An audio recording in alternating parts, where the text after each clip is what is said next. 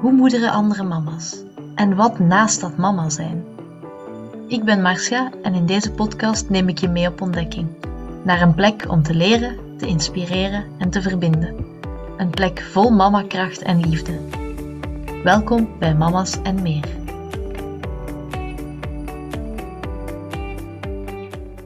Hallo Ankie en welkom bij Mama's en meer. Ehm, ja, welkom. We kennen jou van verbindend opvoeden op Instagram. Mhm. Uh, maar verder, ja, er valt denk ik heel veel over jou te vertellen, maar stel vooral jezelf eens voor. Dat is goed. Ik ben uh, klinisch psycholoog en gedragstherapeut. Um, en uh, ik, ik werk eigenlijk, oorspronkelijk werkte ik vooral met kinderen. Eerst met adolescenten, dan toch wat meer de focus op lagere schoolkinderen en zo. Ik had altijd zo het gevoel, hoe sneller dat we erbij kunnen zijn, hoe meer preventief dat we kunnen werken, hoe beter natuurlijk. Uh, en dan kom je onvermijdelijk toch bij ouders terecht. Uh, dus mijn focus ligt nu vooral op ouders en opvoeders, zorgfiguren, leerkrachten, mensen die met kinderen in contact komen, um, om die wat te helpen om het gedrag van kinderen wat beter te leren begrijpen en, um, en soms daar ook anders mee om te leren gaan. En natuurlijk, het een volgt vaak uh, logischerwijs uit het ander. Um, ik ben zelf ook mama van twee kindjes, twee jongens, van één en drie. Dus dat is uh, best pittig. uh, het zijn geen, geen doorslapers. Dus dat is soms wel echt stevig. Ja. ja dat is een beetje mezelf in een notendop. Ja, ja, dankjewel daarvoor al. Uh, ik had een vraagje binnengekregen van hoe ben je eigenlijk bij dit onderwerp terechtgekomen? Maar je zegt al, je bent eigenlijk al begonnen als klinisch psycholoog. Zat van daaruit ook al interesse voor kindjes erin? Of hoe is dat? Maar een beetje misschien uitgebreider, ja, jouw verhaal, hoe je tot hier gekomen bent. Ja, ik ben eigenlijk altijd... Um, sprak zo het werken met kinderen mij wel aan. Ik heb... Um, ook heel specifiek gekozen voor de opleiding psychologie in Leuven, omdat je daar ook al moest kiezen eigenlijk. Als je klinische psychologie doet, uh, ga je dan, is de focus dan kinderen en jongeren en het gezin of volwassenen. Dus ik heb heel specifiek voor Leuven gekozen, omdat je daar voor kinderen kon kiezen. Um, en geleidelijk aan is dan de focus wat meer echt verschoven naar dat omgaan met emoties. Um, vanuit de praktijk, omdat ik uh, merkte, samen met ja, Gitte de Bruin, een collega van mij, daar uh, samen met haar heb ik een training rond emotiecoaching, omgaan met emoties. Um, en wij merkten eigenlijk vooral in de praktijk dat ouders komen vaak met de vraag mijn kind heeft het moeilijk met dit, of mijn kind eh, vertoont dit lastig gedrag, of wij hebben het moeilijk met, hè, en hier is mijn kind en los het op. Um, bewijs, allez, korter de bocht natuurlijk, hè, maar dat is toch wel vaak zo wat de insteek. Hè. Mm -hmm. En um, ja, wij merkten ook dat ouders zelf moeilijk zicht kregen op hè, van waar komt dat nu, of hè, daar uh, ja, niet goed wisten van hoe moet ik daar nu mee omgaan en, en daarin ook wel heel, vaak heel veel handvaten uh, misten. En van daaruit, eigenlijk vanuit de praktijk, zijn wij um, wat meer begonnen bij ons aan te richten op ouders en meer ja, ook zelf uit te diepen en uit te zoeken van oké, wat is dan de beste aanpak en wat kunnen we ouders daar best rond meegeven. Um, en zo zijn we eigenlijk wel op emotiecoaching gekomen. Hè? Want de Instagram-account heet Verbindend Opvoeden. Maar de hoofdfocus is eigenlijk um, die emotiecoaching. Maar ik heb uiteindelijk gekozen voor verbindend opvoeden, omdat het eigenlijk bij emotiecoaching ook neerkomt op een stukje verbinden met jezelf. Hè? Wat, wat doet het gedrag en, en wat doen de emoties van mijn kind met mij?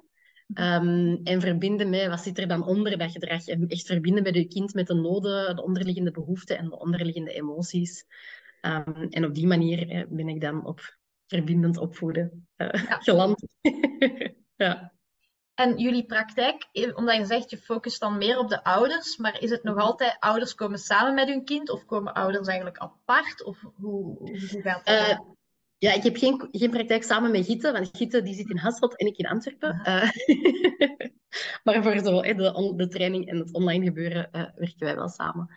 Um, maar ik werk in eerste instantie vooral met ouders en eigenlijk enkel wanneer het het hangt een beetje ook af van de leeftijd van het, van het kind natuurlijk. Bij jonge kinderen werk ik eigenlijk vooral met de ouders. Als het gaat over nou, een adolescent, dan uiteraard ook met het kind samen. Um, dus het is, het is een beetje wisselend wat dat de vraag juist is. Um, maar als, um, als, het, als, ja, als, als er aan, het kind al wat ouder is en de vraag is, help mijn kind, dan ga ik ook wel altijd met de ouders werken. Ik werk eigenlijk nooit met een kind echt apart, apart, zonder ouders.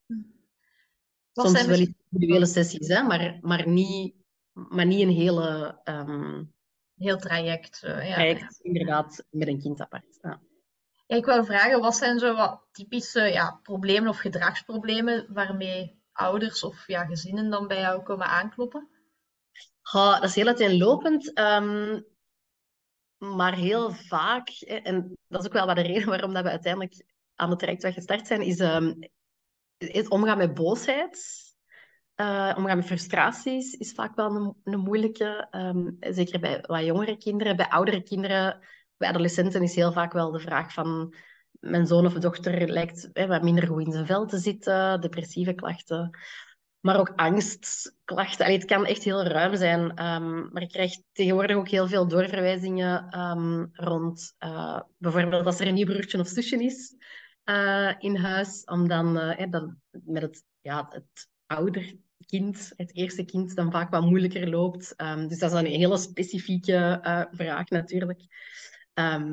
maar dat is omdat ze vanuit de vroedvrouwpraktijk, dan, waar ik zelf ben geweest, mij dan zo wat weten te vinden. En dan krijg je dan ineens veel zo'n vragen. Maar eigenlijk kan dat echt een beetje van alles zijn. Kan ook, want nu gaat het over um, moeilijkheden bij het kind, maar het kan ook gaan ouders die zich onzeker voelen of die twijfels hebben of die zoiets hebben van oh, ik wil het graag op een bepaalde manier aanpakken en dat loopt soms moeilijk of ik merk dat ik het moeilijk heb om um, met boosheid of verdriet om te gaan of grenzen stellen. Um, ja, het kan echt heel uiteenlopend zijn. En het moet zeker niet iets zijn. Um, want mensen hebben vaak het gevoel van, oh, het is toch zo erg niet, moeten we dan daar vooral naar een psycholoog. Um, maar ja, hoe sneller dat je erbij bent, hoe beter natuurlijk. Hè. Hoe gemakkelijker dat het misschien nog gaat. Ook, uh... Ja, hoe langer dat je wacht, hoe, allee, hoe... als je heel lang wacht en het, en het probleem is al heel groot geworden, dan zijn bepaalde dingen ook al heel erg ingesleten. En of bepaalde overtuigingen soms, of bepaalde manieren van iets aan te pakken. En, dan, en dat is moeilijker om dan te veranderen natuurlijk. Niet onmogelijk, maar um, ja. Ja, ja, dit wordt inderdaad gewoon een beetje allee, nog een langere weg af terug te gaan eigenlijk dan. Ja, bij wijze van spreken. ja, ja. Ja. Um, ja, je vertelde dan van uh, bijvoorbeeld kinderen met omgaan met boosheid en frustratie. Ik denk dat we daar misschien dat wel interessant is om of we daar al uh, wat concretere tips over kunnen meegeven. Want daar had ik inderdaad ook een vraagje van gekregen. Ja, um, het is eigenlijk dubbel. Dus enerzijds natuurlijk, je hebt het gedrag van het kind dat dan misschien ongewenst is. Maar ook, mm -hmm. zoals je zegt, wat als je dan als ouder merkt dat je daar echt wel lastig mee krijgt, dat je zelf boos wordt. Ja, het, heel, het concrete voorbeeld was hier een kindje, 15 maanden, wil absoluut niet blijven liggen om gewoon een, een luier te verversen. en, en, dat dan ja, de mama zeer um, verstaanbaar daar natuurlijk een beetje ja. uiteindelijk denk ik van wordt. En, en mm -hmm. merkt dat ze dan toch moeilijk vindt om niet uiteindelijk beginnen te roepen op haar kindje. Ja, mm -hmm. wat, wat, is daar bijvoorbeeld iets dat, wat zou je daar kunnen meegeven? Ja, uh, ten eerste super herkenbaar. het is hier op het moment uh, met de jongste ook echt een uitdaging en dat is soms super frustrerend. Um, ja, concrete dingen. Um, het, is al goed om je ervan bewust te zijn hè, dat iets je irriteert of frustreert. Want op dat moment is het makkelijker om even een pauze in te lassen en even iets te doen om jezelf te helpen. Hè. En iets heel basic is gewoon even ademhalen. Uh, we vergeten dat soms, dat je gewoon even kunt stoppen en gewoon vaststellen, oké, ik merk dat ik zelf heel veel boosheid en frustratie of irritatie begin te voelen. En ik weet, hè, bij mezelf is dat, als ik dat voel, dan is de kans groot dat ik ga beginnen roepen of zuchten of ah, weet er gewoon iets mee. En ja, dat is niet altijd het meest constructieve natuurlijk. Hè? Maar als je dan die pauze kunt nemen en even, en ook voor jezelf erkenning kunt geven. Van oké, okay, dat is heel normaal dat ik dat voel, want dat is gewoon frustrerend. Hè. Ik wil gewoon die pamper. Als die gewoon zou stil liggen, dan is dat op twee minuten of één minuut zelfs klaar. Hè. Dus dit maakt het gewoon alleen maar lastiger. Ehm, dat is al één ding. En anderzijds, ja, het hangt er natuurlijk een beetje vanaf. Wat zit daaronder? Ik denk, voor de meeste peuters is dat, ja, zo'n pamper is gewoon vervelend en niet zo boeiend. En er zijn zoveel andere dingen te doen en te ontdekken, ehm, dat het... Um, dat zo even stilliggen op je rug en niks doen en het ondergaan, dat dat, ja, dat boeit even niet. Hè? Ehm, en wat dat dan helpt bij uw kind in kwestie, dat, ja, dat is ook maar te zien. Hè. Is het, um, soms kun je daar ook gewoon erkenning voor geven van, ah ja, het is lastig, hè. het moet nu even gebeuren, ik weet dat dat niet fijn is. Soms is het dan ook afleiding voorzien. Um, maar het, is zo altijd, het, ik probeer altijd in te zetten op de twee stukken. Enerzijds begrip en erkenning voor het kind, hè, van wat maakt dat dat voor dat kind in kwestie op dit moment nu moeilijk loopt of niet lukt of vervelend is. Hè, dat kan ook al helpen als je een gedrag beter begrijpt. Wat, en dat kan dan ook helpen om meer te zoeken naar helpende oplossingen, hè, zoals afleiding dan, of er een spelletje van maken. Of misschien uh, is dat een kindje dat heel veel nood heeft aan uh, duidelijkheid en voorspelbaarheid. En is het belangrijk om dat aan te kondigen en ondertussen te vertellen wat dat je doet. Hè. Dat kan, alles kan. En tegelijkertijd ook die erkenning en begrip voor jezelf. Van oké, het is niet omdat ik het nu snap waarom dat mijn kind niet wil stilliggen, dat ik het niet meer, dat het niet meer vervelend is. Um, maar om bij jezelf op te merken, wat voel ik en wat helpt mij dan, wat heb, wat heb ik dan nodig. Mm En daarmee is het niet allemaal opgelost en gaat het niet ineens allemaal vanzelf. Dat hoeft ook niet, dat kan ook niet. Maar dat kan wel helpen om um, de rust soms wat meer te bewaren. Ja, Dankjewel al voor die. Ja, ja, want het is denk ik toch wel uh, al concrete handvaten toch om mee te geven. Ja, ik, ik ben gewoon aan het denken van mijn dochter is nog geen 15 maanden. Gaat dat ook nog komen? Want ze is gelukkig qua pampers, dat, dat lukt nog wel. uh, dat kan nog komen, ja. ja. Uh, bij mijn twee jongens was dat toch een hele periode heel moeilijk. Niet alle kinderen hebben dat, hè, maar ja, die willen ook gewoon meer dingen zelf doen en zo. Hè. En soms, wat hier soms ook helpt, is bijvoorbeeld aan rechtstaand die pamper doen. Dat is niet altijd even handig, maar ja. het is soms zo wat zoeken en wat werkt er dan, of een spelletje doen. Of, allee, toch, het, is, um, het is wat uitproberen en, uh, en ook evalueren. Hè. Werkt dit beter? Ja, blijven doen dan. Werkt dit niet beter? Ja, iets anders zoeken dan. Mm -hmm, Ik denk wel dat um, ook misschien wel interessant is, omdat je zegt, ja, als je het zelf bij jezelf merkt, dan kan je ademen denk dat wat ook wel vaak kan gebeuren is, ja, het, het gebeurt voordat je het opmerkt. Hè, Dat je mhm. begint inderdaad, zoals je zegt, te roepen of te zuchten of je heel hard, mm vocaal te ergeren, laten we zeggen. Mhm. Wat is dan misschien belangrijk? Dan is het belangrijk om achteraf, uh, als je, als je, je, voelt dat meestal zelf wel aan, hè, als je iets hebt gedaan op een manier waar je zelf niet zo blij mee bent, om daarop terug te komen en u, en u te verontschuldigen. Allee, meer hoeft dat ook niet per se te zijn. Heeft. Vooral um, wat wel belangrijk is als je verontschuldigt, is om, om, om jezelf de verantwoordelijkheid te nemen hè, voor je eigen gedrag. Hè. Ik heb gebruld of met iets door de kamer gesmeten. Of, hè. En dat is niet oké. Dat moet best eng geweest zijn voor u, of je zult wel geschrokken zijn. Um, en vaak hebben we dan de neiging om dan te zeggen, maar als jij nu iets van de eerste keer zou doen wat ik vraag, dan zou ik niet zo boos moeten worden. Hè? Maar dat is niet de ideale aanpak. wij zijn nog altijd verantwoordelijk voor ons eigen gedrag. Hè? Dus het beste is om het gewoon daarbij te houden. Hè? Ik heb geroepen, ik, voel, ik was boos aan het worden, ik heb geroepen. Dat is niet oké. Boos zijn mag. Hè? Dat, bedoel, dat, hoort er, dat hoort bij het leven. Iedereen mag boos zijn, uw kind mag boos zijn, jij mag boos zijn. Maar de manier hoe dat je daarmee omgaat is belangrijk. Hè? En, um, dat je dan zegt van oké, dat is gebeurd, dat was niet oké, sorry. Hè? Ik ga het proberen de volgende keer anders te doen. En waar gaat je dan op letten? Ik ga misschien de volgende keer stoppen en even ademen of tot tien tellen of hè, wat u dan ook helpt. Dat is voor iedereen natuurlijk anders. Ja. Zijn daar misschien zo tips hoe dat je dan ja, als volwassene misschien ook als kind, maar ik ben nu even gewoon van het perspectief van een ouder dan aan het denken. ja, hoe, hoe kan je er misschien voor zorgen dat je minder tot dat punt komt dat je het eigenlijk al doet voordat het te laat is en dat je al Mhm. ja, meer dat besef hebt voordat je echt kwaad bijvoorbeeld Mhm. wordt. Mhm. Ja, ik, dat, dat klinkt misschien zo'n beetje stom, maar goed voor jezelf zorgen is al een eerste. Ehm, omdat hè, we hebben allemaal zo, ja, hè, window of tolerance heet dat, een raampje waarbinnen, hè, van spanning, waarbinnen dat je je oké voelt. Hè, waarbinnen dat je goed kunt nadenken, kunt eh, ja, rekening houden met een ander, kunt afgestemd reageren.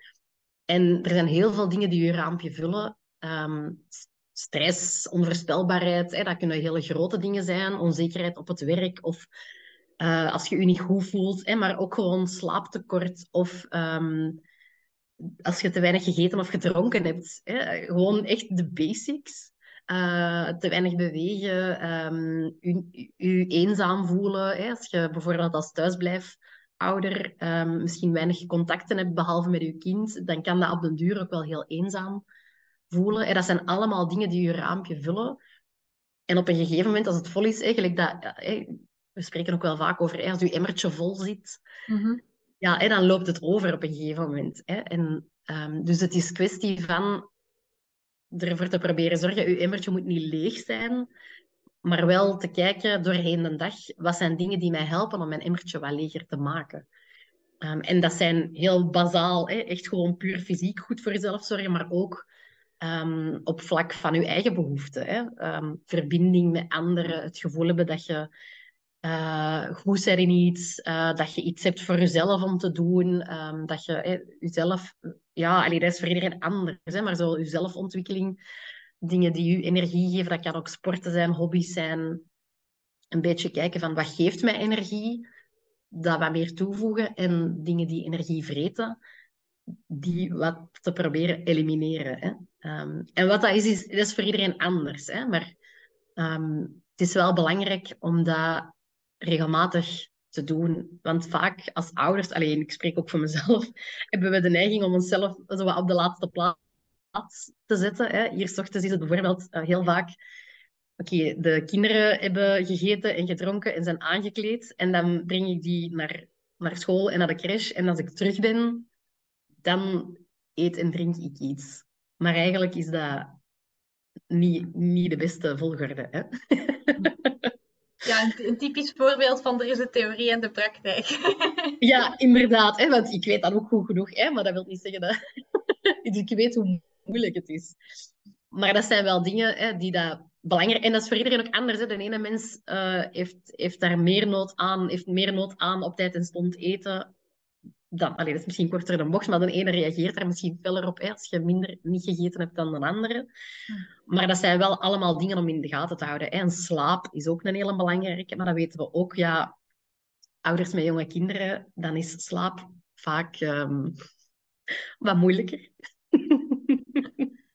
Bij ons alvast. Maar um, dat zijn allemaal dingen die dat wel heel erg helpen om te voorkomen hè, dat je emmertje overstroomt. En daarnaast kunnen nog andere dingen doen. Hè. Um, wat dat ook voor kinderen heel goed werkt uh, en voor volwassenen is eigenlijk alles wat je zintuigen aanspreekt. Um, dus zo, hè, nu is, wat dat nu heel erg opkomt, is zo sensorisch spel.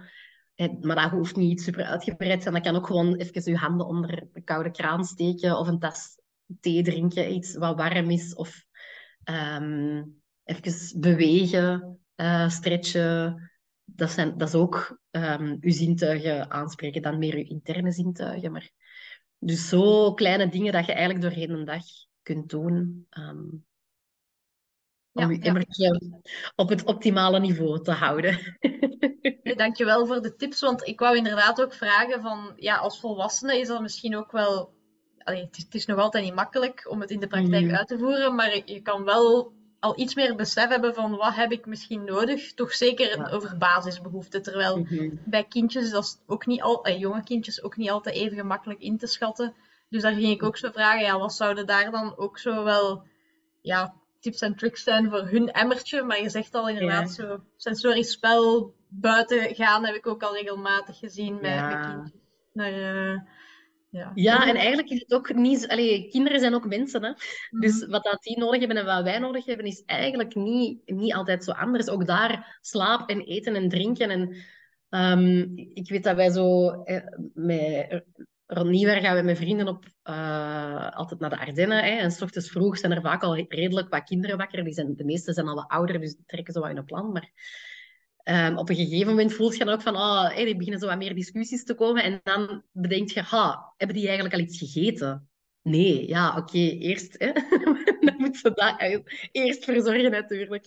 Ja, Want ja. hangry, hangry dat, is, dat bestaat echt, hè. Dat is niet verzonnen, dat is gewoon echt. Dus die basisbehoeften, ehm, ja, die zijn gewoon belangrijk. Hè. En verbinding en plezier maken zijn ook basisbehoeften. Hè. Dus dat mogen we ook niet vergeten. Ehm, maar als het op de fysieke behoeften al misloopt, ja, dan... Ja, je ging er zo al een beetje op in van dat je, ja, je bent zelf dan ook mama van twee jonge kindjes. En ja, er is inderdaad dan de theorie en de praktijk. Zijn er zo ja, voorbeelden bij jezelf waar dat je dan ook wel merkt van, oké, bijvoorbeeld hiervoor is het super handig dat ik al deze kennis heb, maar het is misschien toch niet altijd makkelijk in de praktijk uit te voeren. Er is dan die zelfzorg dat je zei, maar ja, ik weet niet, misschien in de interactie met je kindjes of zo. Ja, ik denk, dat is op alle vlakken zo. Hè. Uiteindelijk, als je... Het, is, het helpt soms ook wel om wat milder te zijn voor jezelf dan achteraf, maar er, je hebt altijd de ideale situatie, maar hè, waarin dat je dingen zou doen, of hè, in de ideale situatie doe je het op die manier, maar de ideale situatie die, die is er zelden natuurlijk. Want hè, wij, wij, ja, de meeste van ons moeten gaan werken eh, en dat geeft stress. We moeten op tijd op school of op de, op de crash of ergens geraken en dat geeft stress. Je hebt minder geslapen hè, als je onderbroken nachten hebt. Dat is gewoon niet evident. Dus ja, ik denk op alle vlakken ehm, is het handig om te weten.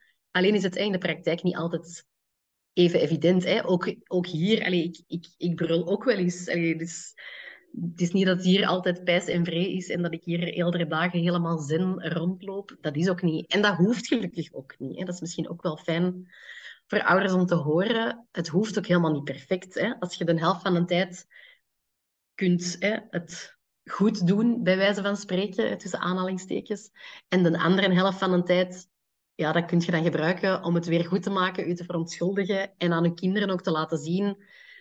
Het is normaal dat het niet altijd perfect loopt. Um, ook grote mensen hebben grote gevoelens en die ontploffen ook wel eens. En dit is dan hoe dat je daarmee om kunt gaan. Want hoe moeten ze het anders leren? Mm. Heel mooi. Ja, dus inderdaad, ik denk dat dat ook wel een mooie is dat je dan meegeeft. Uh, dat kinderen inderdaad wel gewoon echt alles van volwassenen oppikken. En dus dat die fouten maken en dat dan herstellen, dat dat ook wel een mooie leerschool voor hun kan zijn. Um, mm -hmm. Dat deed mij dan denken aan een vraagje. Ik denk dat de meeste mensen die naar deze podcast luisteren, daar wel redelijk wat van weten, maar misschien toch interessant om zo even terug naar die basis te gaan van ja, waarom is het eigenlijk wel belangrijk dat we toch proberen om ja, op zo'n manier met emoties om te gaan en Allee, omdat je zou ook kunnen zeggen, in dat voorbeeld van die pamper, ah, maar als ik roep, dan is mijn kind dan rustig en dan kan ik dat gewoon doen en dan is het opgelost. Waarom mm -hmm. is dat misschien toch niet de meest ideale aanpak? Oh, omdat, ja, verschillende redenen, maar de, de, belangrijkste reden is dat um, als we enkel focussen op gedrag en dan eh, toepassen wat een effect heeft op gedrag, namelijk uh, eh, straffen en belonen, dan verandert het gedrag soms wel, maar de onderliggende behoefte verandert niet.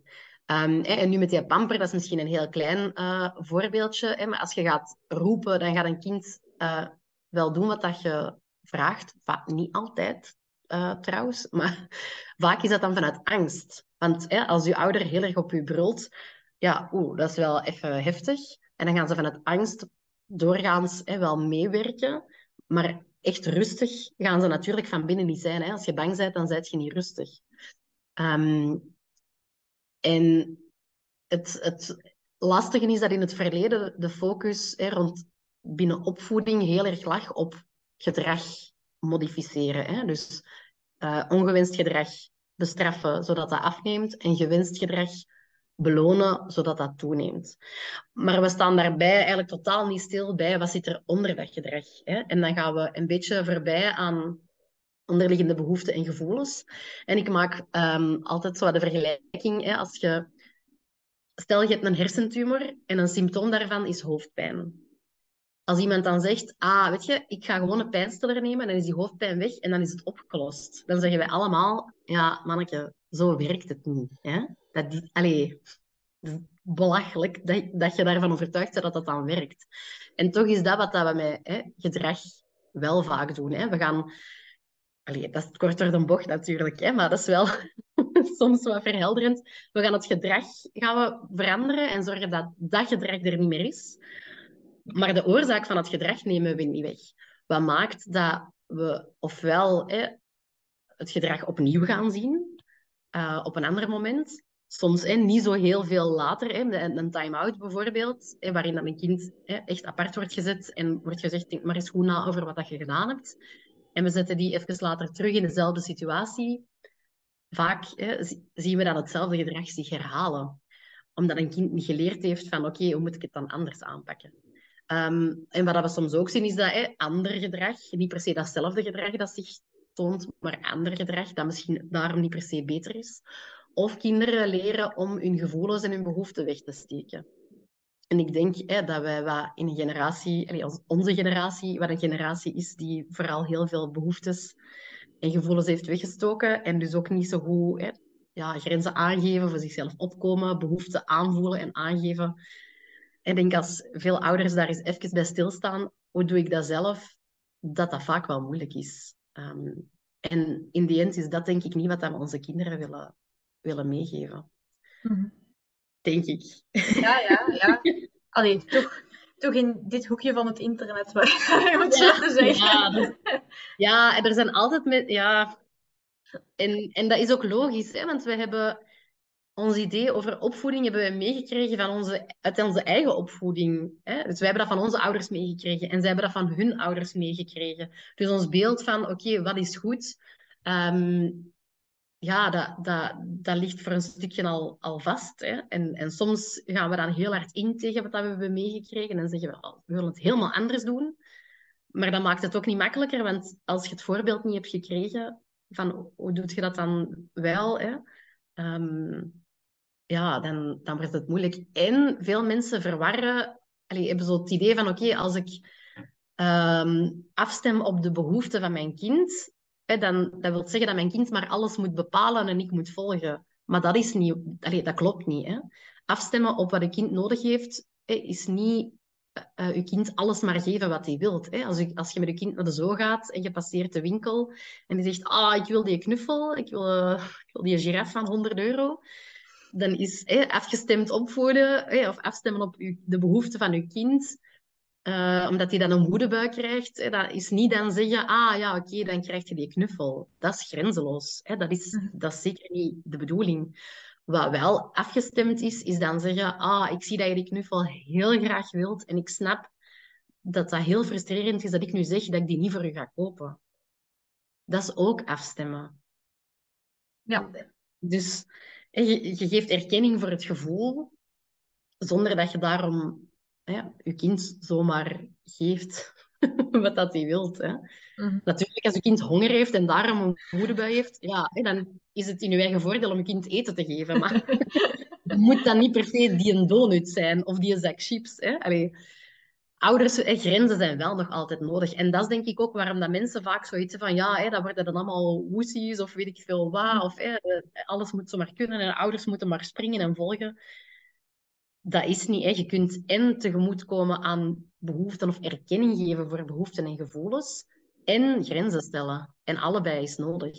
Mm -hmm. Ja, en dankjewel om die nuance inderdaad te maken, want ja, dat is dan, en zeker als je zegt, er is onze generatie, er zijn ook de generaties voor ons. En het is niet altijd makkelijk om zo uit te leggen, bijvoorbeeld, ja, wat is dat afgestemd opvoeden of zo, mild ouderschap, dat dat heel snel overgaat. Ja, maar is dat dan eigenlijk gewoon dat je hun alles laat doen? Of, um, nee.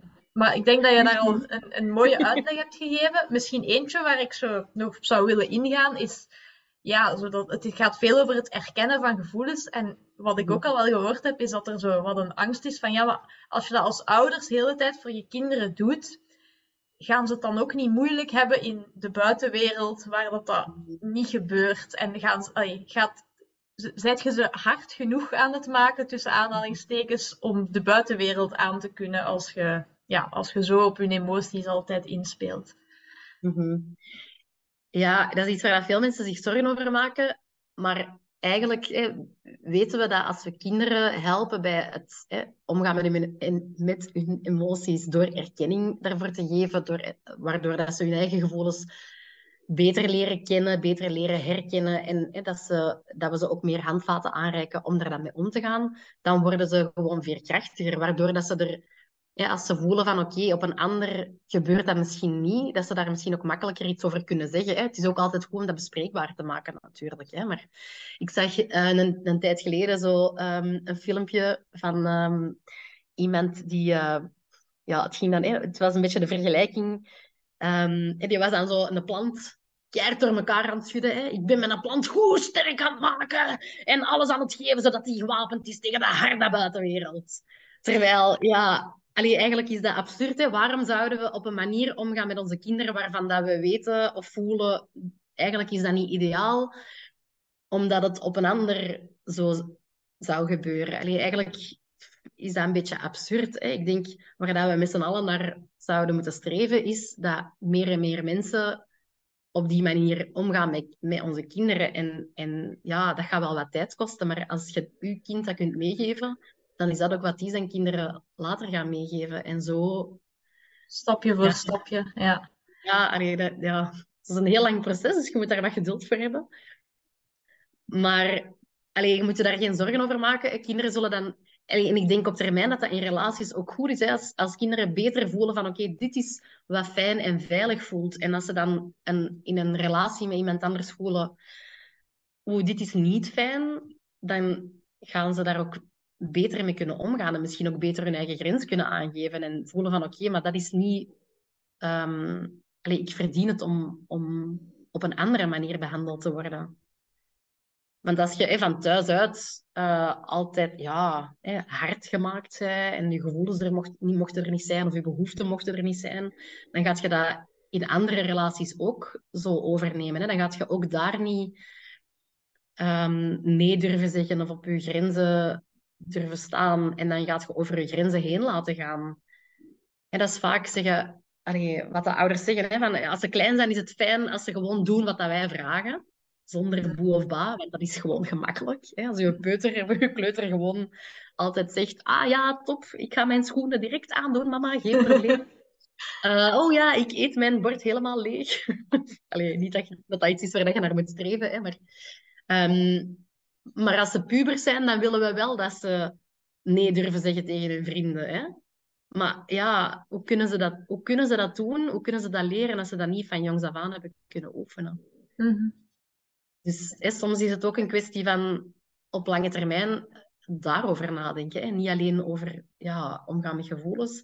Zo zullen dat dan misschien wel komen... Allee, ja, je, je merkt dat sowieso wel op. Hè? Als kinderen komen dan met uitspraken thuis... Ehm, van, ah ja, huilen, ja, of huilen mag niet, of weet ik veel wat. Hè. Allee, het kan eender wat zijn. En dan kun je het daar ook over hebben. En dan kun je ook zeggen van, hè, ja, huilen mag wel. Sommige mensen vinden dat lastig, maar dat wil niet zeggen hè, dat dat daarom niet mag. Ja, want ik wou inderdaad vragen van, is dat een gesprek dat uiteindelijk, dat je met je kinderen expliciet hebt, misschien op voorhand van, ja, weet dat er in de buitenwereld, of dat je in situaties gaat komen waarbij je inderdaad bijvoorbeeld zo'n uitspraken gaat tegenkomen. Of dat mensen gaan zeggen van je mag je gevoelens niet uiten of wat dan ook. Maar heeft dat nut om dat misschien op voorhand al te zeggen? Of is het gewoon, ja, je, je doet je ding en als er zo'n situaties voorkomen, dan mag je erop vertrouwen dat een kind dat misschien wel komt zeggen en dat het redelijk organisch, ja... Ja, en ik denk, je gaat sowieso onvermijdelijk zo'n situaties ook tegenkomen. Bijvoorbeeld, op, um, vlak voordat mijn uh, oudste naar school ging, hè, dan liep het heel moeilijk op de crash. Hè, die wilde dan niet meer naar de crash gaan. En dan, um, dan uh, zei die verzorgster, ja, mama wil niet dat jij huilt of mama wil niet dat jij verdrietig bent. En dan, dat is het moment dat je dan zegt van, dat mag wel, je mag verdrietig zijn en je mag huilen, dat is oké. is jammer genoeg gaat je onvermijdelijk zo'n situaties al wel tegenkomen. En ik denk, het is altijd beter om dat dan dat, zo'n situaties als aanknopingspunt te nemen, ehm, dan dat je dat op voorhand doet. Want de situaties waarin dat voorkomt, kinderen gaan dan doorgaans best nog jong zijn. Mm. Dat gaat over dan een tweejarige, hè? Twee, bijna tweeënhalf. Dat is, niet, dat is niet de leeftijd waarop dat je dan zo echt zegt, oké, okay, schattenbol, hè, we gaan eens even samen zitten, weet, daarbuiten. nee, inderdaad. Gaat in, in je familie waarschijnlijk ook al zo'n dingen zijn tegengekomen. Hè? Ik, we hebben een tijdje tijdens onze verbouwing bij mijn ouders gewoond. Ehm, ja, en dan, en dan kom je heel veel tegen natuurlijk. Hè? Dan, dan hoort je een, een grootouder zeggen, als, er, als je kindje aan het huilen is, het is gedaan, het is goed. Hè? Of, allee. dus ja, dat zijn momenten dat je sowieso, denk ik, dan op kunt inpikken. Um, dus maak je er niet te veel zorgen over van oké, we moeten hier het voorbereidende gesprek hebben. Um, dat, ja. dat dient zich wel aan. En dat hoeft ook helemaal niet groot te zijn. Of hè, je kunt dan gewoon kaderen. Allee, dan even, is het gewoon even te zeggen, nee, je mag wel huilen. Hè. Tranen mogen er zijn, het is oké. Ehm, en dan misschien dan even te kaderen op een ander moment. Uh, hè, sommige mensen vinden het lastig als, als kinderen huilen. Hè, maar dat zegt iets over hun en niet over of jij mag huilen of niet. Ja, ja.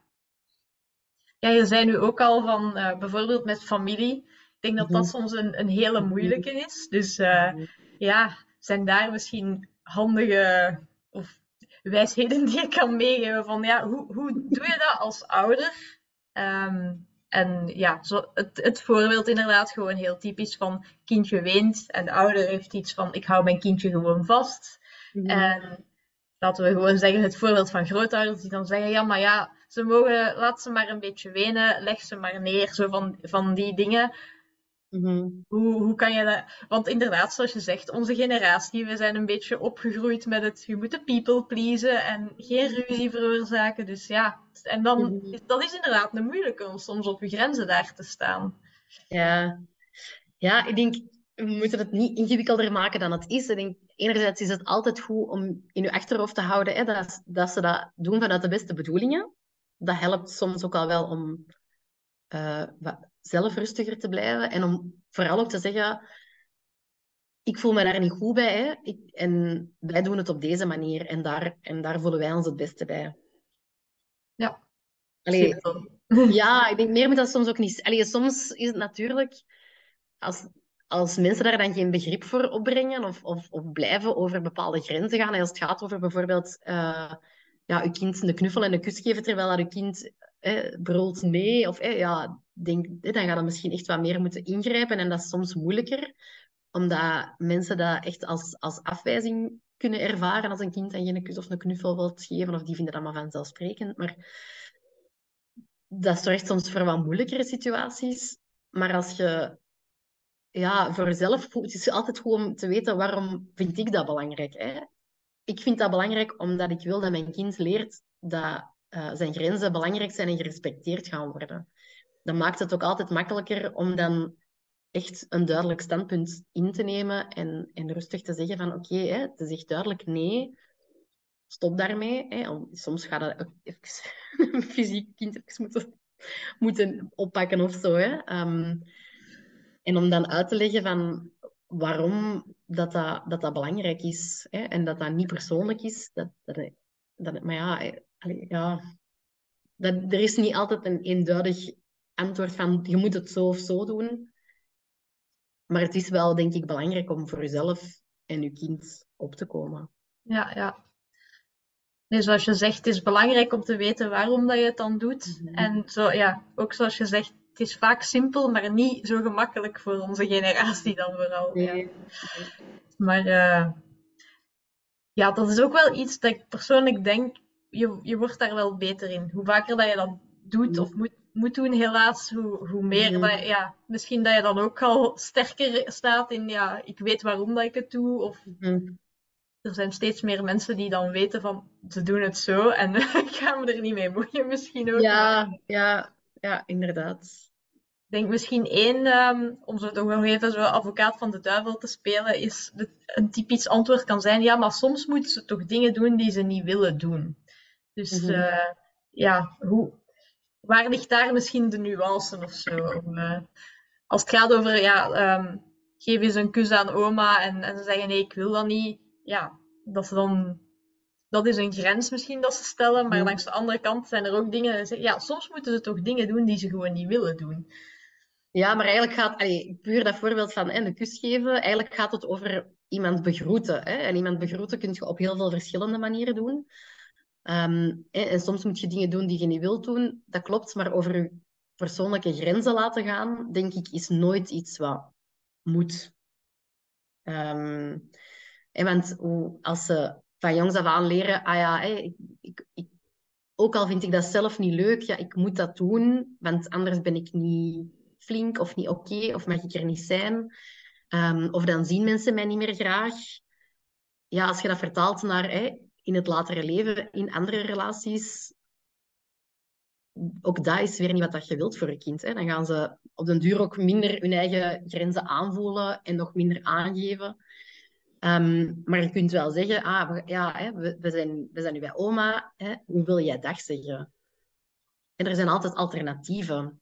Maar ja, dingen doen die je niet wilt doen, ja, je tanden poetsen, hè, dat, is, dat is dan weer iets anders. Hè. Of je kleren aandoen om naar buiten te gaan, is ook weer iets anders. Naar school gaan. ehm, en je kunt inder- het gaat niet altijd over, ehm, ja, oké, dan doen we dat helemaal niet. Hè, maar ook zoals dat, het voorbeeldje dat je geeft, ja, je gaat niet helemaal niet dag zeggen. We zeggen wel dag, maar gewoon op een manier die, die oké voelt voor u. Mm.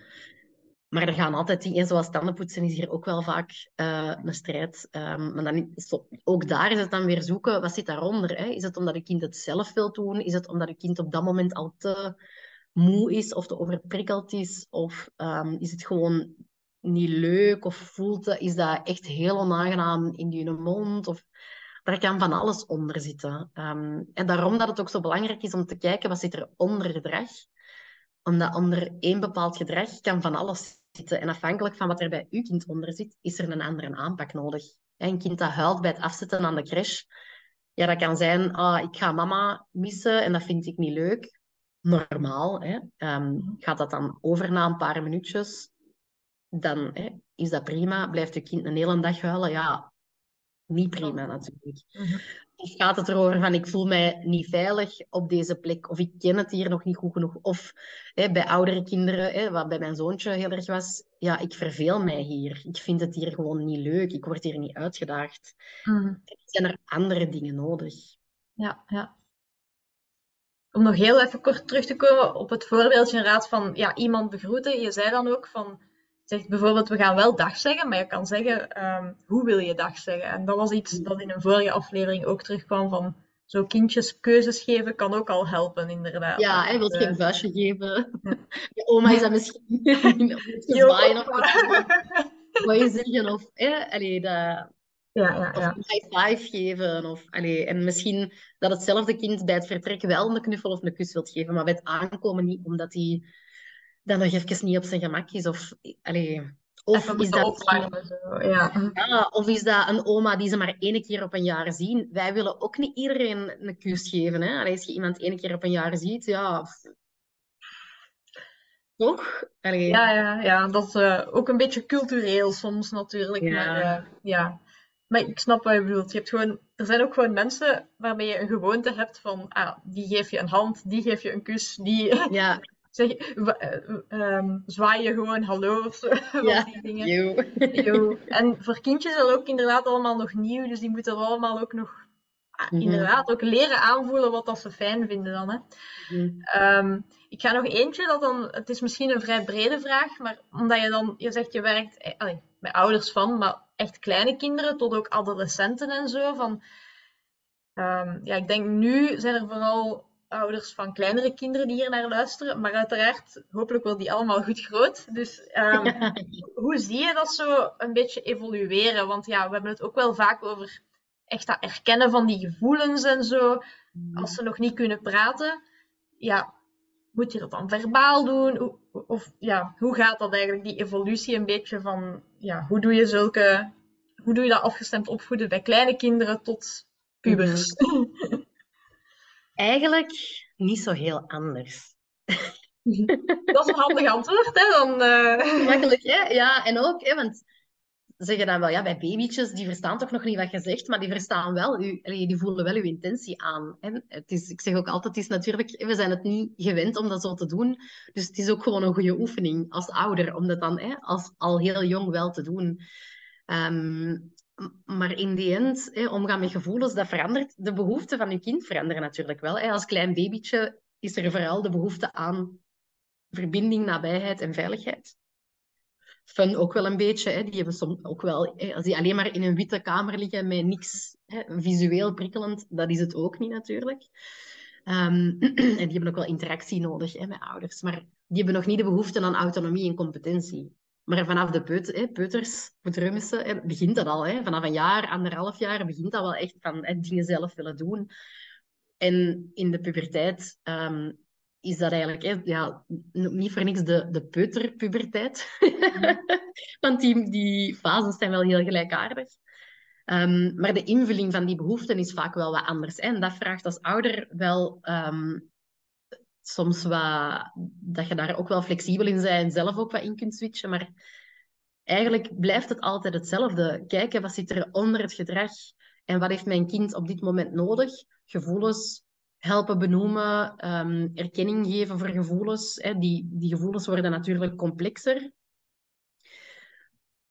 Maar uw aanpak als ouder, en dat maakt mijn job dan weer gemakkelijker natuurlijk, is niet zo anders. Um, dus dat is misschien ook wel geruststellend. Het, het, vraagt, het blijft wel flexibiliteit vragen in die zin dat de behoeften van een kind gaan veranderen en dat je daar wel altijd op moet blijven afstemmen en dat dat dus verandert. En zeker hun band, hè, naarmate dat ze ouder worden, verandert onvermijdelijk. Hè, want ze gaan meer hun eigen ding doen. Ze moeten ook meer hun eigen ding doen, want ze moeten op hun eigen benen kunnen staan in die end. Um, dus je gaat dat wat meer moeten loslaten en je gaat wat meer, nog meer gelijkwaardige partners worden uh, in je team. Maar hoe dat je dat voor de rest vormgeeft, of allee, tips en tricks bij wijze van spreken, ja, dat is eigenlijk niet zo heel anders. Ja, ja. Dat je zei wel, een van de dingen is dat helpen benoemen van emoties. Mhm. Ehm, ik, ik, denk zelfs voor ons als volwassenen dat dat soms al niet makkelijk is om te benoemen wat dat we juist voelen. Mhm. En, en dus zeker voor kinderen en onze kinderen dat te helpen leren doen. Ehm, ja, wat, wat zijn daar misschien wel dingen voor die kunnen helpen? Ja, heel veel, maar in eerste instantie vooral kinderen leren door te observeren. Hè? Dus die leren um, ook hun emotionele woordenschat uitbreiden um, naar gelang dat wij meer woorden gebruiken. Dus stap 1, hè, denk ik, is breid je eigen emotionele woordenschat uit. Want hè, als je alleen maar kunt zeggen, ik voel me goed of ik voel me slecht, of het is leuk of het is niet leuk, ja, dat is heel beperkt natuurlijk. Hè? Dat geeft weinig informatie over hoe voel ik mij bij een bepaalde situatie? En dat geeft ook weinig handvaten. Hoe kan ik daar dan mee omgaan? Hè? Als een kind zich zegt van, ik vind de speeltijd niet leuk, dat is iets anders dan, uh, ja, ik ben altijd, ik, ben, ik twijfel of ik ben onzeker over of er wel iemand met mij gaat willen spelen. Hmm. Of ik, ik weet niet hoe ik het dan moet vragen om mee te spelen. En, dat, en dan ben vaak alleen en dat vind ik, dat vind ik niet leuk. Ik voel me dan eenzaam. Of, hè. Dat is iets helemaal anders. Um, dus zeker die emotionele woordenschat uitbreiden is, um, is daarin heel belangrijk. Um, en in eerste instantie doe je dat door je eigen emotionele woordenschat uh, uit te breiden en dus meer gevoelswoorden te gebruiken. maar dat kan ook door, ja, in, in boeken en in filmpjes komen ook heel veel emoties aan bod in het dagelijkse leven ook. en ik heb nu net uh, een aantal uh, ja, printables in de webshop gezet. En dat zijn gevoelsposters, gevoelskaarten, waar daar heel wat gevoelswoorden op staan die dat je kunt gebruiken um, samen met je kind. Uh, er zijn versies voor kleuters en jonge kinderen en voor wat oudere kinderen en tieners. Um, dus dat is ook wel iets. Hè. Je moet die natuurlijk niet per se bij mij halen. Je, je vindt online ook heel veel dingen rond gevoelsposters, gevoelskaarten. Ja. Um, dus dat, dat helpt al heel erg um, om dat wat te ondersteunen, om gevoelens te benoemen. Ehm, en dat geeft ook gewoon veel meer handvaten om dan te kijken, hè, wat heb ik dan nodig en hoe kan ik er dan mee omgaan. Mhm. Uh, en daar heb ik ook handige posters en kaarten voor. Voor die handvaten dan. voor die handvaten en strategieën van hoe kun je dan met je gevoelens omgaan. Omdat dat natuurlijk ook vaak, ja, als je als ouder niet hebt geleerd van hoe kan ik met die lastige gevoelens omgaan, is het ook niet altijd evident um, om dingen aan te reiken van hoe kun je daar dan mee omgaan. Maar ook daar geldt, hoe meer dat jij zelf kunt voordoen en voorleven hoe dat jij ermee omgaat, hoe makkelijker dat je kind dat gaat oppikken. Hè. Kinderen gaan veel sneller uh, overnemen van, ah ja, oké, diep in- en uitademen, dat helpt als jij dat zelf doet, dan wanneer dat jij uh, zelf alles bijeenbrult en tegen je kind zegt als die boos is, ja, maar je moet gewoon even diep in- en uitademen. Dat helpt echt keigoed. Hè? Ja, ja. Ja, uiteindelijk doen kinderen vooral wat hun ouders doen. Hè? Dat is, uh... Absoluut. ja. Absoluut. Ja. ja, over zo'n gevoelsposters, want ja, gewoon omdat ik er nu aan denk, ik had ook onlangs een filmpje gezien dat, uh, misschien heb je het dan ook wel gezien, dat uh, ja, ook een, een, een jong kindje, ik denk een peuter, kleuter of zo, die dan ja, wat boos begon te worden. Maar het filmpje begon dus, ja, dat de mama zo was van, ja, en je bent boos, zullen we naar jou de cooldown corner heten het. Dus ik dacht, oei, je gaat dan het kind in de hoek zetten of zo. Maar dan gingen ze samen naar een hoekje in het huis. En daar hadden ze inderdaad zo'n Ja. gevoelsposter. En dan, dan was ze, oké, van, en hoe voel je je? En hoe komt dat nu? En ja, je gaf ook al het voorbeeld van, als een kind zegt, ik vind het niet leuk, de speeltijd, dat dan inderdaad wel kan helpen om gewoon proberen wat door te Ja. vragen van waarom Mhm. juist. En dan, ja, in, in dit geval was het gewoon, kind had inderdaad honger, maar wou per se een donut. En een donut ging niet meer mogelijk zijn of zo. En ging een beetje eten of zo. dus, Ja. Maar eh, ja, dat dat dan inderdaad wel een, eh, een leuk idee voor misschien zo'n gevoelsposter. Ik weet niet of jij zelf ook zo, ja, of, of hoe dat dan best gebruikt wordt. Of, eh, Ja, je kunt zeker een, een rusthoek of zo, zo noem ik dat dan, in je, in uw huis. Dat hoeft niet per se een hele hoek te zijn, maar een plekje waar het wel fijn is en waar je samen naartoe kunt.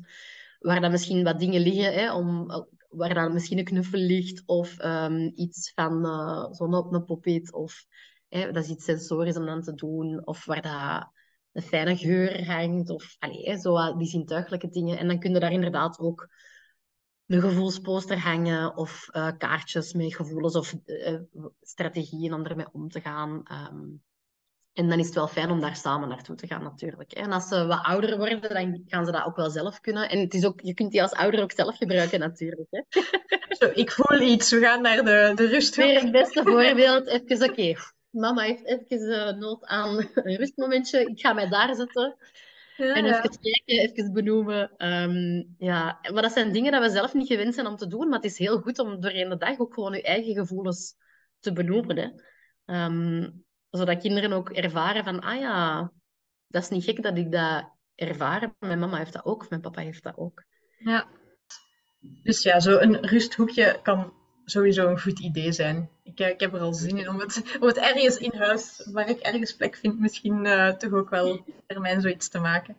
Ja. Eh, ja, we zullen misschien stilletjes aan met, met dit deel afronden, om nog eventjes op jou te focussen. Misschien gewoon één dingetje dat ik dan nog wil vragen, omdat je zei, je hebt ook zo kaartjes om dan zo, ja, hoe ga je dan om met die emoties? Zou je gewoon misschien eens een voorbeeld kunnen geven van, ja, wat is dan misschien een emotie en, oh, of een, een behoefte die eronder zit en hoe ga je daar dan mee om? Gewoon dat mensen een beetje een feel krijgen voor, ja, hoe zou dat werken met die kaarten misschien? Oh, eh, moet ik even denken. Want ja, hangt er van situatie tot situatie af. En de context speelt altijd een hele grote rol. Hè. Maar dat kan gaan eh, over verdriet bijvoorbeeld, omdat een, eh, een vriendje verhuisd is. Ehm, hè, dat is niet iets wat je kan oplossen of kan veranderen, maar dat kan dan... ehm, ja, je kan er dan wel iets over tekenen, over een gevoel, of je kan dan iets anders gaan doen om aan iets anders te denken. Ehm, het kan een beetje van alles zijn. Hè. Er staan heel veel verschillende strategieën op de poster en in de kaarten. En je krijgt er ook wel wat uitleg bij van en niet, niet alles werkt ehm, even goed voor eender was. Soms gaat het ook over je kind vaardigheden bijbrengen. Hè. Leren hulp vragen of hè, leren er iets over, over te vertellen. Hè. Want ja, gewoon erover praten helpt vaak al. Zeker als het gaat over iets wat niet veranderd kan worden. Is, hè, we zeggen niet voor niks, gedeelde smart is halve smart. Ehm, en dat kan ook gewoon zijn erover praten. Want dat is ook wat we als ouder ook wel mogen onthouden. Van, vaak willen kinderen gewoon wel een luisterend oor en niet per se meer dan dat. Ehm, maar als het gaat over boosheid bijvoorbeeld, ja, dan uh, zijn er dingen zoals um, stampvoeten uh, of even brullen als een leeuw of um, bellen blazen. Hè, dat is een goede voor ademhaling uh, te doen. En dus er zijn altijd verschillende strategieën en ik raad ook aan om verschillende dingen, om je kind wel zelf te laten kiezen en ook wel te kijken, werkt dat, werkt dat niet?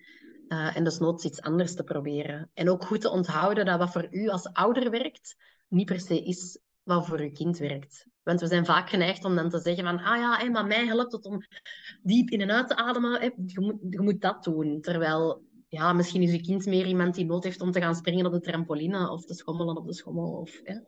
Ja. Um, veel inspiratie eigenlijk en dan kan je verschillende dingen proberen. Oké. Ja, het, is, het is niet als je dit voelt, dan moet je dit doen. Um, maar het is inderdaad vooral heel veel voorbeelden van wat zou je kunnen doen om met gevoelens om te gaan. Ja, oké. Ik denk dat we dan wel een idee hebben van, van hoe dat uh, werkt en hoe die kaarten, oh ja, niet hoe ze eruit zien per se. Ik zal wel sowieso wat, wat linkjes zetten. Ja. Um, nee, maar ik denk dan gaan we ook eens even over jou gewoon babbelen, want... Um, ja, kan je misschien, ja, dat was misschien meer van het begin, maar uh, hoe lang doe je dit eigenlijk al? En wanneer zijn jou, jouw kindjes waren dan 1 en 3, dus ik neem aan dat je dat daarvoor al deed. Um, ja, misschien is dat een interessante. Ik vraag altijd zo, hoe ziet jouw typische dag of week eruit? Misschien kan je zeggen, ja, en hoe is dat dan veranderd sinds dat je kindjes hebt en zo? Oeh, ja, heel hard. Uh, ik ben sinds kort voltijd zelfstandige, maar ik ben nu vooral bezig met de, de laatste um, periode met schrijven. Die, die materialen ontwikkelen, uh, boeken schrijven. Er is net een boek uit voor ouders van tieners. Uh, ouders komen van Mars, uh, heet die. En in het najaar komt er nog een, um, als misschien ook nog wel goed om mee te geven, een gevoelsdagboek voor jonge kinderen, om samen met ouders de dag wat te overlopen en vooruit te kijken naar de volgende dag. En zo wat opdrachtjes om ja, wat stil te staan bij wat voel ik en wat voel ik in mijn lichaam. Dus dat is ook wel heel fijn. Um, en er komt ook een boek specifiek over emotiecoaching. Maar daar ben ik dus nu heel veel mee bezig. Dus mijn dagen bestaan vooral uit uh, schrijven, uh, dingen op de, nu de laatste week, dingen op de webshop aanvullen en zo hele logistieke dingen. En uh, ja, mijn kinderen naar school en naar de opvang brengen en die gaan halen. ze blijven momenteel niet in de nabewaking. Um, en op woensdag is de jongste ook gewoon thuis. Dus um, mijn dagen vliegen voorbij. Um, en heel af en toe, dat is op dit moment niet de hoofdmoot van mijn job, zit, zit daar ook wel eh, gesprekken um, in. Maar dat staat nu op een laag pitje. Terwijl dat ik daarvoor dat er kinderen waren, eigenlijk uh, fulltime. Allee, ja, nee, ik heb nooit echt fulltime, fulltime. Uh, toch niet in loondienst gewerkt, maar dan in bijberoep. Um, dus ja, misschien wel fulltime. Uh, bestond dat wel uit gesprekken um, dus dat is wel een hele grote verandering. Um, en hoe lang doe ik dat al? Oh, ik wil niet te hard over nadenken, want dan zo confronterend hoe oud ik al ben. uh, ik weet zelfs niet meer wanneer ik ben afgestudeerd. Maar um, tussendoor heb ik ook, ik heb ook een musicalopleiding gedaan. Dus ik heb ook een tijdje als uh, zangeres op cruiseschepen gewerkt. Kijk, interessant. anders. Ja, um, en dat doe ik nu soms allee, niet op een cruiseschip, maar een musical uh, zo als hobby. Uh, dat is dan één keer per jaar zo. Um, ja, ik heb niet echt zo één standaard dag. En dat vind ik ook wel fijn. Ik hou zelf ook wel van verandering. Um, maar ja, mijn, mijn focus is wel zeker... Allee, dat was ervoor al wel een beetje, maar zeker sinds de oudste uh, er is, toen ben ik ook gestart met verbindend opvoeden is wel echt heel erg verschoven naar uh, omgaan met emoties. En ook al als psycholoog doet je dat natuurlijk ook al wel, maar vooral ouders meer helpen, concrete handvaten aanreiken om onder dat gedrag te kijken en, en om te gaan met die emoties. Ja. Ja, en hoe, hoe is dat zo gekomen dat je dan toch die shift hebt gemaakt van meer ja, gesprekken doen naar wat dat je dan nu doet, het meer ja, op sociale media met boeken schrijven en materialen maken en zo? Ja, dat is een stukje gekomen ook omdat ik in uh, de oudste uh, een tijd thuis ben geweest. Ik ben zes maanden thuis geweest. En dan toch ook zoiets zocht om te doen. En zo is dan de Instagram-account ontstaan waar ik gewoon info deelde. Um, en ik had samen met Gitten al veel langer wel het idee om zo een training te maken rond emotiecoaching. En daar was dan ook... Allee, dan zijn we dan uh, wel echt... We waren er al mee gestart, maar dat bleef dan zo wat liggen. Want ja, andere dingen, andere werk. Um, en dat is toen wel echt zo wat... Allee, zijn we er uh, wat ingevlogen, om het zo te zeggen.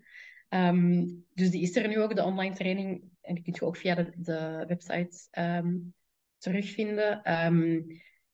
Ja, en dat is allemaal zo wat geleidelijk aan ontstaan. Ja, en dan kwam er de vraag om een boek te schrijven of mee te schrijven aan een boek. En ja, dat vraagt ook wel tijd natuurlijk. Dus dan zet je even andere dingen on hold. En dan komen er ideeën van hey, voor die kaarten, voor die posters. En dat, dat bestaat eigenlijk al wel. Maar ja, ik ben zelf... Ofwel is het dan vaak Engelstalig. Um, mm Of was ik zelf niet altijd zo fan van, ja, hoe ziet dat er dan uit? Um, en dan dacht ik, ja, dan maak ik zelf iets. En dan denk ik, ah ja, als ik dat dan nog doe, is het ook wel leuk. Dat past er ook nog bij. En op den duur heb je dan zo honderd ideeën. En dan moet je die allemaal tegelijkertijd uitwerken.